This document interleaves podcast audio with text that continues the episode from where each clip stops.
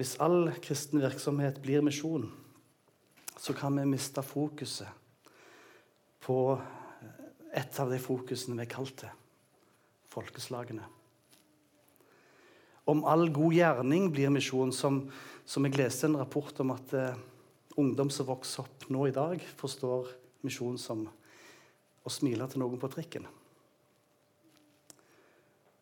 Hvis det, all god gjerning blir misjon, så kan vi miste òg formidlingen av det frelsende budskap.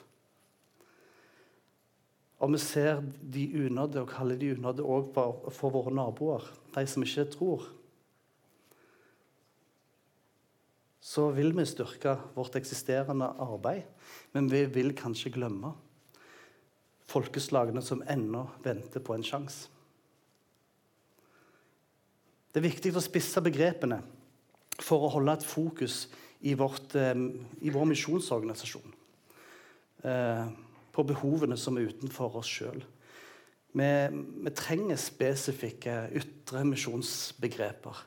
Jeg har ikke noe bedre forslag enn eh, misjon med fokus på de unådde.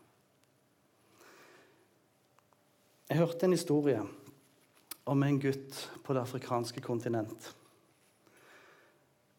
Han ble konfrontert med hvorfor han kunne tro på en gud som svarer på bønner når han ikke engang hadde sko. Gutten han svarte jeg tror at Gud har bedt kristne mennesker om å sende meg sko. Men de har sagt nei. For meg så vitner det om tro, om tillit til Gud. En innsikt som denne gutten hadde. Han tvilte ikke på at Gud så han og, og kjente hans nød. Jeg tror han hadde rett. Gud kaller mennesket til å adressere den nød som har på vår jord. ser vi vekk ifra kallet. Gud ser mange niniver, for å bruke et sånn internt begrep bibelsk. Han kaller til å adressere den nøden. Før vi ser på noen bibeltekster, så har jeg lyst til at vi skal be litt.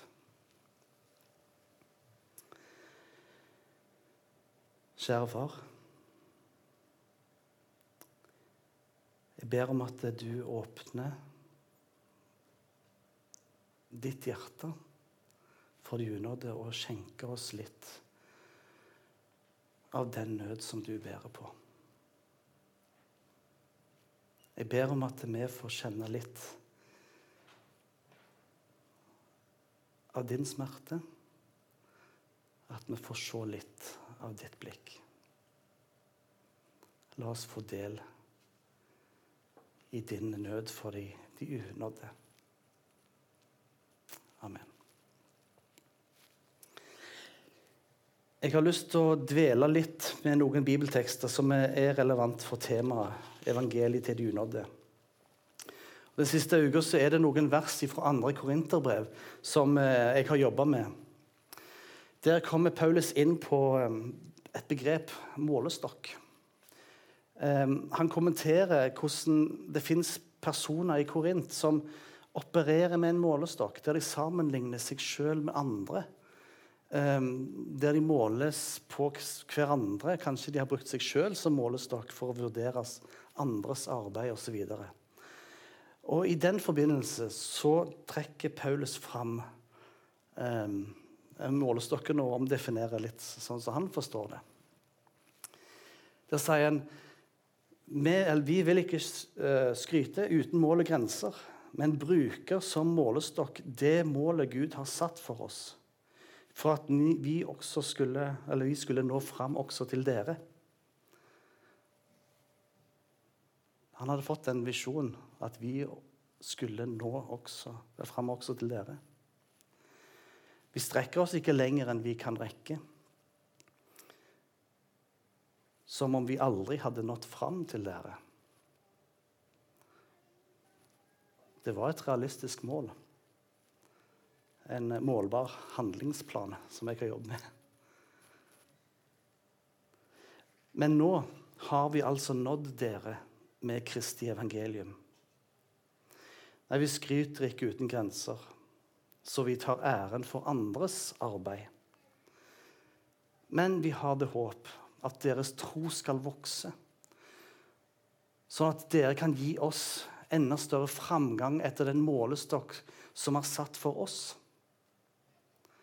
Da vil vi kunne forsyne evangeliet også utenfor disse områdene, og uten å ta æren for det arbeidet andre har gjort ut fra sin målestokk. Paulus han ønsker å lufte fram en annen målestokk. En målestokk som Gud har satt for han og hans tjeneste. Vi ville ikke brukt kanskje begrepet målestokk. For det er jo snakk om en visjon som Gud har, har, gitt Paulus. Og det er ganske tydelig i den teksten at målestokken egentlig er geografisk. Det er snakk om områder, det er snakk om land som er lagt på hans hjerte. Dette området har han fått i oppdrag å nå med evangeliet. Først til Korint, som han skriver til, og så videre. Og så har han nådd fram til Korint. Noe som var et stort strategisk mål. Ehm, det var en viktig metropol for, for spredning av evangeliet i området. Han hadde nådd de nå. Det var urban satsing. Men så er det interessant han anerkjenner at det er andre aktører i området her. Snakker om det arbeidet andre har gjort ut fra sin målestokk. Han anerkjenner at det er andre som er virksomme i området. Han er ikke alene. Og Det fører han til at han, har, han ønsker å gå oppsøke nye, andre områder enn der det allerede eksisterer et arbeid. Gud har gitt oss en målestokk. Han har lagt på oss geografiske områder som en misjonsorganisasjon. Områder og land som Gud har lagt på våre hjerter for at vi skal gå inn i dem. Vi er kalt til å gå der det ikke fins der det, ikke fins eksisterende arbeid. Vi skal ikke gå inn i andres arbeid. Og vi ber et ansvar for disse områdene. Når jeg leste disse ordene her, så, så følte jeg jo at eh, utsendingene våre sier det samme som oss. Nei, som Paulus sier her. Når han sier at Men vi har det håp at deres tro, altså vår tro her i Norge, våre forsamlingene, skal få vokse. Sånn at dere kan gi oss enda større framgang etter den målestokk som er satt for oss. Da vil vi kunne forsyne evangeliet også utenfor disse områdene. Nøden er å nå videre. Misjon blir aldri nok. Nå er det nok. Nå har vi tatt det området vi har fått, og så når vi er ferdig Nei, videre. Videre ut. Det er ikke målbart, akkurat misjon. Målet er nådd himmelen. Det blir en stor glede når vi får se den store, hvite skare som lovpriser Gud. Vi skal få gjøre det sammen. Og vi skal få lov til å bruke norsk. For det står at alle tungemål er der. Alle folkeslag. Da er målet, da er misjonsoppdraget fullført. Men Fram til da, mens vi lever her på jord, så vil misjonsnøden stadig drive oss videre. Det er ikke nok. Vi må videre. Og Paulus han målbærer akkurat dette kallet som vi som kristne fellesskap òg har, når han sier jeg har, satt, jeg har alltid satt min ære i å forkynne evangeliet bare der Kristi navn ikke er kjent. For at jeg ikke skal bygge på en annen grunnvoll som andre har lagt. Sverre Bø han kommenterer i den nye misjonsboka si at eh, Paulus ville ikke blande seg inn i andres misjonsarbeid. Paulus oppsøkte det som kaltes for upløyd mark. Han drev ikke med noe etterarbeid. Eh, området hvor andre arbeidere drev et arbeid, det kalte han for andres arbeid. Andre har fått sin målestokk. Paulus har sin målestokk. Men dette her driven som han målbærer her, med hele tiden videre, dette ønsket å komme videre med evangeliet, det gjør at Paulus òg kommer med et utsagn som, som, har forundra meg litt. Ble det litt liten skrift, eller går det greit? Jeg var litt spent på det. Ja, det går fint. Han sier det til romerne. For det står skrevet De som ikke har fått budskap om Han skal se, og de som ikke har hørt, skal forstå. Det er dette som gang på gang har hindret meg å komme til dere. Men nå har jeg gjort det jeg skulle i landene her. Og jeg har i flere år ønsket å komme til dere og så dra videre til Spania. Hele tida videre, sant? Så, de som fortsatt venter, skal få høre. Paulus han sitter i Korint og drømmer og skriver dette brevet til romerne og drømmer om å besøke Roma på vei en gjennomreise. Eh, hvor han ønsker å få, få følge av de kristne i Roma på veien videre til Spania. Det som forundrer meg her, det er denne her lille delsetningen som står her. Men nå har jeg gjort det jeg skulle i landene her. Var Paulus virkelig ferdig? Ferdig med arbeidet sitt i Aten, i Tyrkia, i eh, Makedonia? Altså Hvordan kan han si han er ferdig? Hva er det som gjør at han sier det? Det må fortsatt være bygder og folk som ennå ikke har tatt imot evangeliet. Fått blitt med i et fellesskap. Det må jo ha vært mange oppgaver i disse områdene. Altså, I et forsamlingsarbeid her, blir en ferdig med arbeidet? Nei. Det er hele tida noe nytt. ikke sant? Hvordan kan Paulus si at han er ferdig i disse områdene? Jeg tror det skyldes det kallet, det, det fokuset som Paulus hadde i sin tjeneste. De unådde. Når menigheten var etablert, så reiste han videre. Sånn er tjenesten for, for en misjonær. Stadig videre. Vi må videre til de som ikke har fått budskapet, de som ikke har fått høre. Hvem er da de unådde? Det leder oss jo litt inn i det. For noen uker siden sa den nye generalsekretæren vår, Gunnar Bråten, han hadde en eh, samling med oss ansatte der han delte et bibelvers. Som han sa at For hans del så tenker han at det beskriver litt i unåde. Og det verset minner oss òg om at vi en gang var blant de unådde sjøl. Vi leser det i Efeserne 2, vers 12. Husk at dere en gang var uten Kristus, utestengt fra borgerretten i Israel. Uten del i paktene og løftene. Ja, uten håp og uten Gud i verden. Det er tungt. Det er tunge ord. Det er den unådde. Når dette her er sant,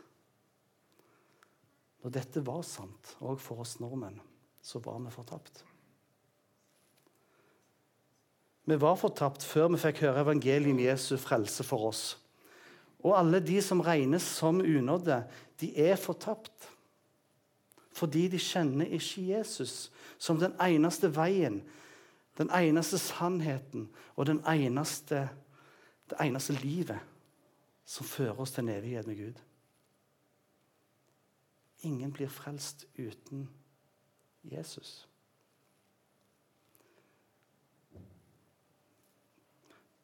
Det er en forskjell òg, da, på det å være sånn som engelskmennene sier 'lost' og 'unreached', eller fortapt og unådd.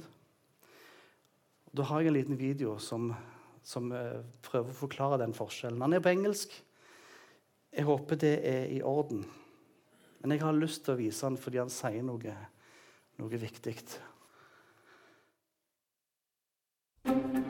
If you run in Christian circles, you've probably heard people talk about the lost and the unreached. These are two common terms that Christians use to describe people who aren't followers of Jesus. But where do these terms come from, and what's the difference between the two of them?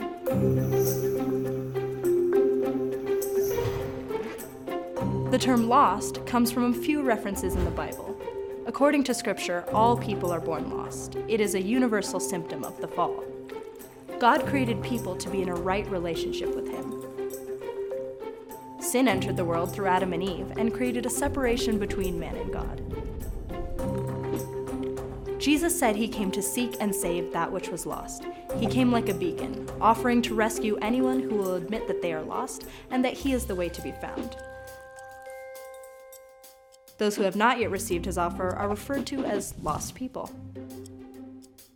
Now, the word unreached refers to lost people who will most likely never have the chance to hear that there is a way to be found. People groups are considered unreached when less than 2% of their population is following Jesus. They often have no access to the gospel in their culture or language, which means that they will never encounter the gospel unless something about their environment changes.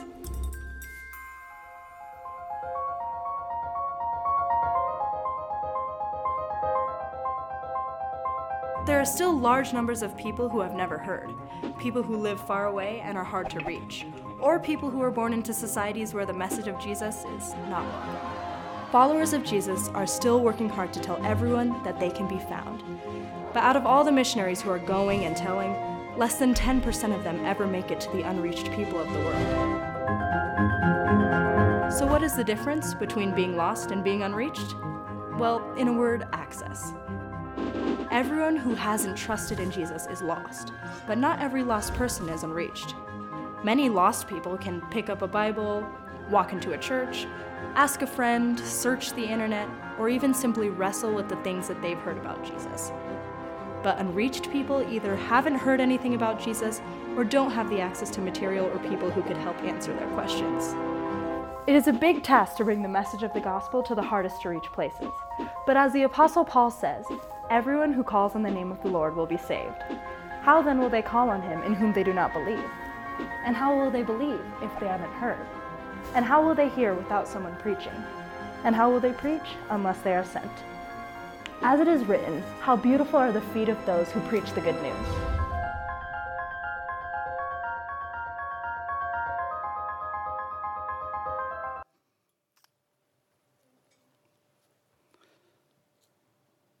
Yes. To viktige premiss beskriver de som regnes som unådde. De kjenner ikke evangeliet, hvem Jesus er og hans frelsesverk. De har ikke blitt nådd med det som bringer frelse. Og Det andre er at de har verken mennesker eller ei kirke til stede i, i deres nærområde. Altså, tilgangen er nøkkelordet for å forstå forskjellen på de unådde og våre landsmenn som ennå ikke har tatt imot evangeliet. For de unådde har ikke tilgang til troende. De har ikke tilgang til budskapet i Bibelen. De har ingen menighet som er i berøring med dem. De minst nådde har kanskje noen få kristne iblant sitt folkeslag. Under 2% av befolkningen er da kristne. Men de har veldig dårlige forutsetninger for å kunne nå sitt eget folk. Gud ønsker å bli kjent med alle folkeslag, hver stamme, hver tunge, ja, hvert enkelt menneske i alle folkeslag, egentlig. Derfor vil han sende oss til dem. Og så er Det sånn, det er selvfølgelig sånn at det betyr ikke at hvis vi kommer til et folkeslag og det blir én kristen, så går vi videre, for da er det folkeslaget nådd. Men vi blir jo der og utruste og bygge og hjelpe, så de klarer å komme til et sånt nivå at de klarer å bringe det videre ut sjøl. Men det fins òg et tidspunkt for å gå videre. Selv om det er mange mennesker i vårt land som ennå ikke har tatt imot frelsen, så må vi erkjenne at det, det fins vitner i vårt land.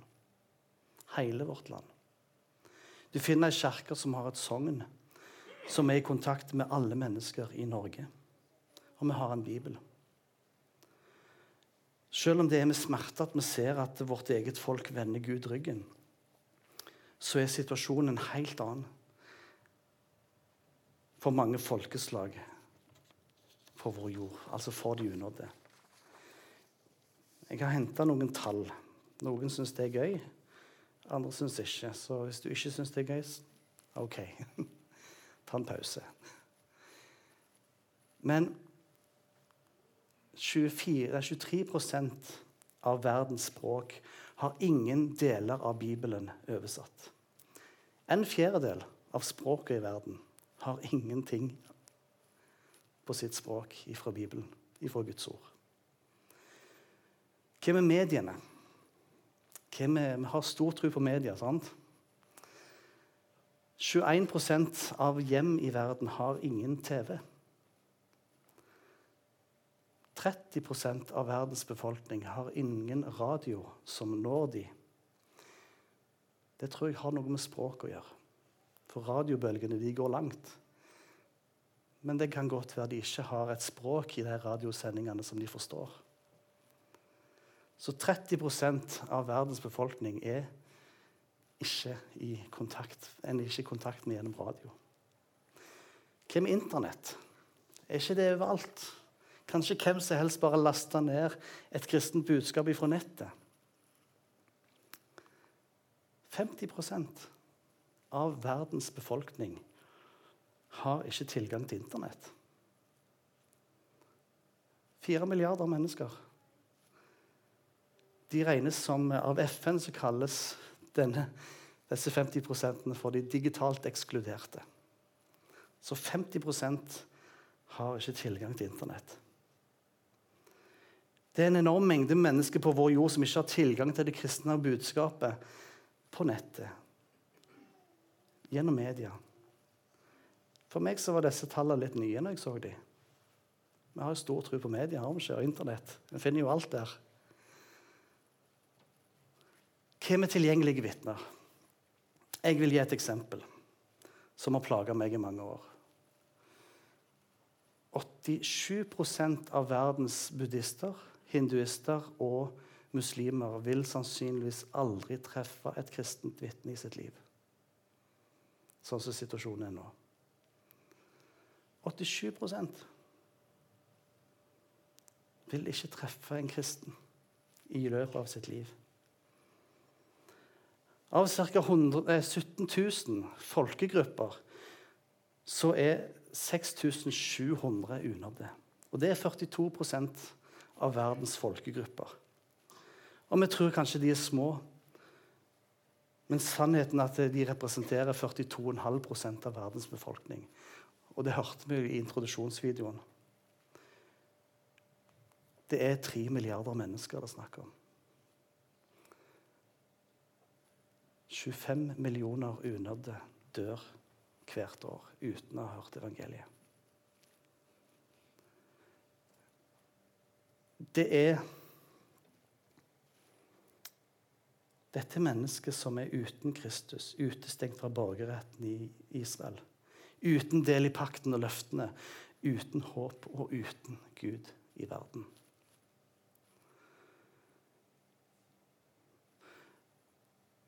Litt personlig. Som 15-åring Nå har vi andre fra Taiwan her.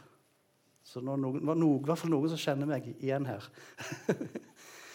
Som 15-åring så, så, opplevde jeg at jeg fikk se de unådde egentlig for første gang. Vi fikk masse besøk i Taiwan. Og en standard post på, på, for besøket var besøk av tempel. Det er eksotisk. Det er spennende. Annerledes. Sterke farger. Fine utskjæringer. Går inn, og så ser du på tilbedelse. Bønn. Det som gjorde inntrykk på meg som 15-åring når jeg hadde, var med et norgesbesøk der, det var at da fikk jeg øyekontakt med ei dame som ba. Og hun hadde et stivt blikk.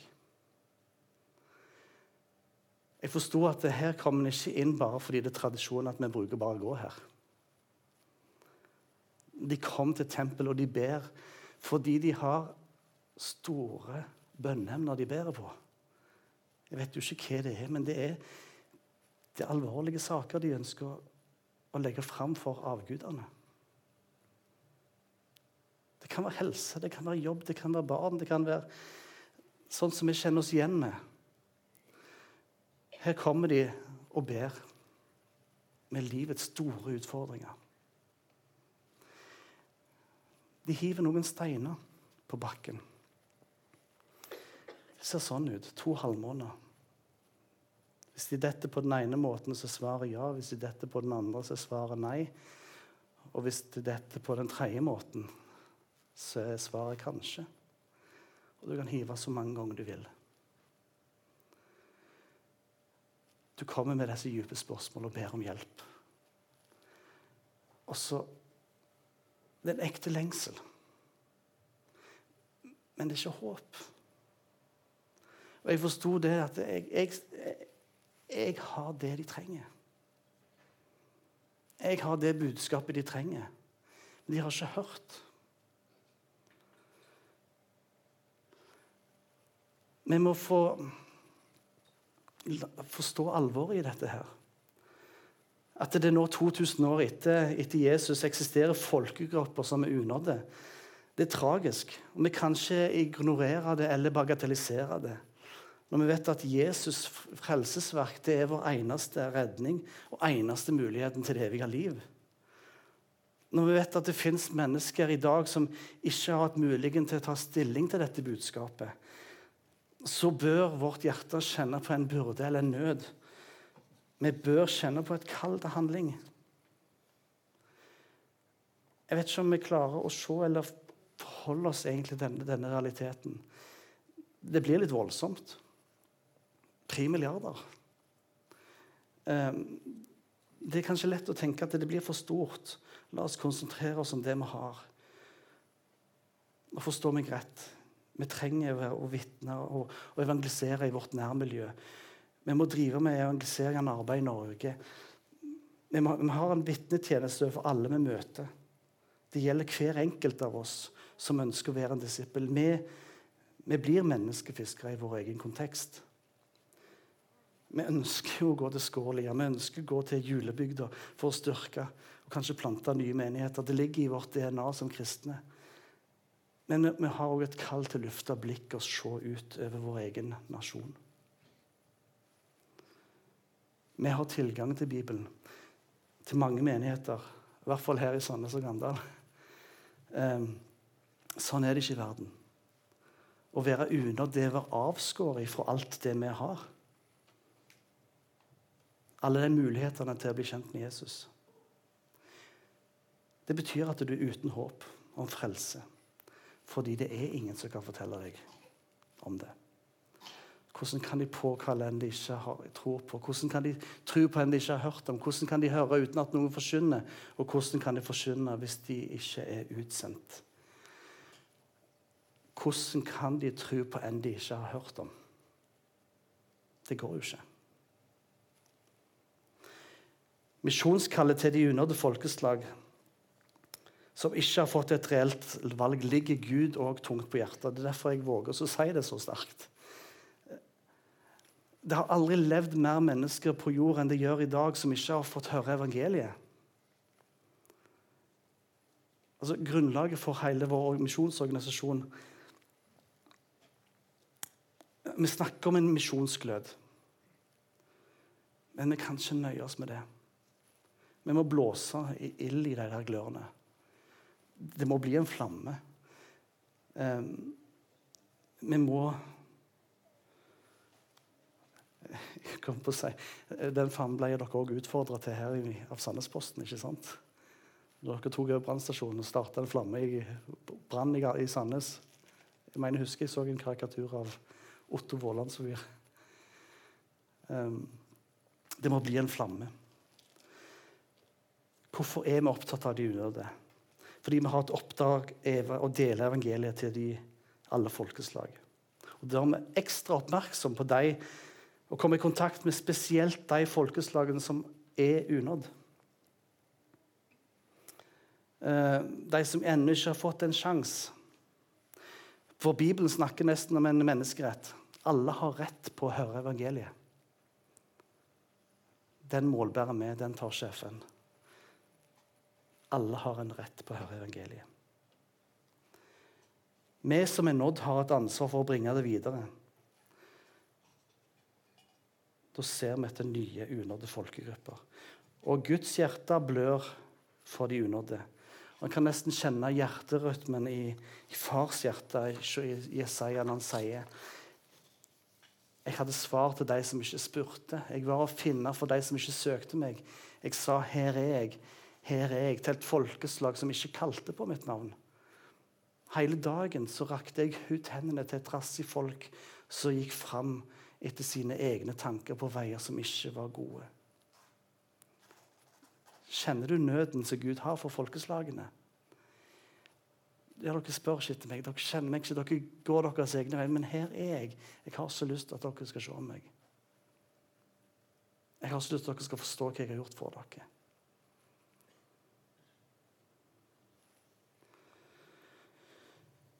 Kan vi engasjere oss for å dele evangeliet til de unådde?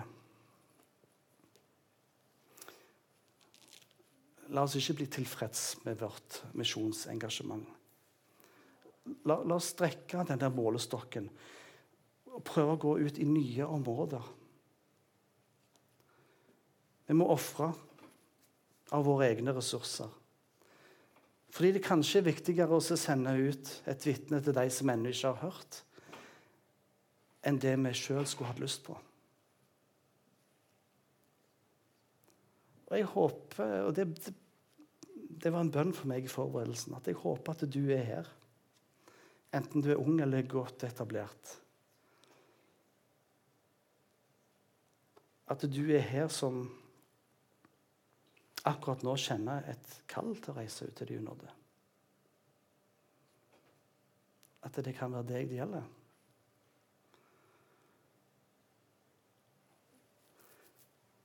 En trenger ikke være ung og i etableringsfasen heller for å reise ut. Om du sitter her med lang arbeidserfaring, så kan det være kjærkomment for de unådde som du kan reise ut og møte. I de områdene som er lagt på vår organisasjonshjerte. Jeg håper du har stilt deg spørsmål en gang. Kan du reise?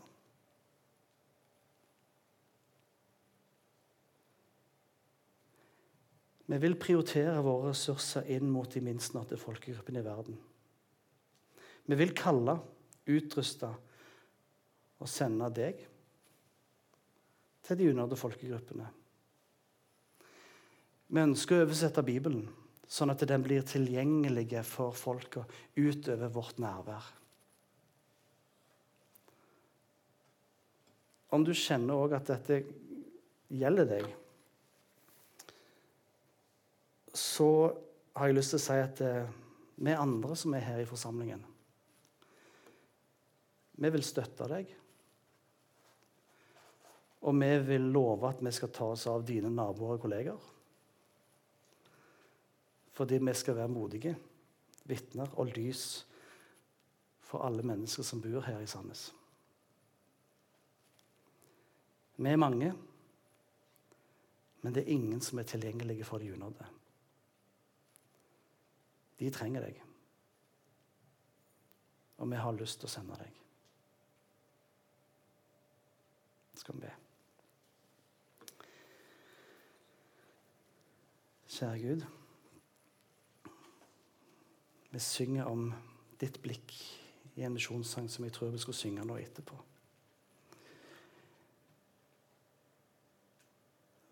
Jeg våger å be to av de versene. Gi meg ditt ømme frelsersinn. for slektens sorg og harm. Lukk meg i dine smerter inn og gjør meg sterk og varm. La meg å skue med ditt blikk hvert folk som liv og grenser fikk. Og bære verdens nød og skam med kjærlighetens offerbrann. Til døden tro, tålmodig, sterk og få. Da vet jeg visst mitt øye får et herlig syn å se når det mot livets aften går, når endt er lyst og ved. Guds rike står i stråle skrud. Krist hentet har sin dyre brud. Fra alle stammer, fra hver eng, med hver sin strålekrans som tegn. I jubelkor de priser Herren stor. La det skje. Amen.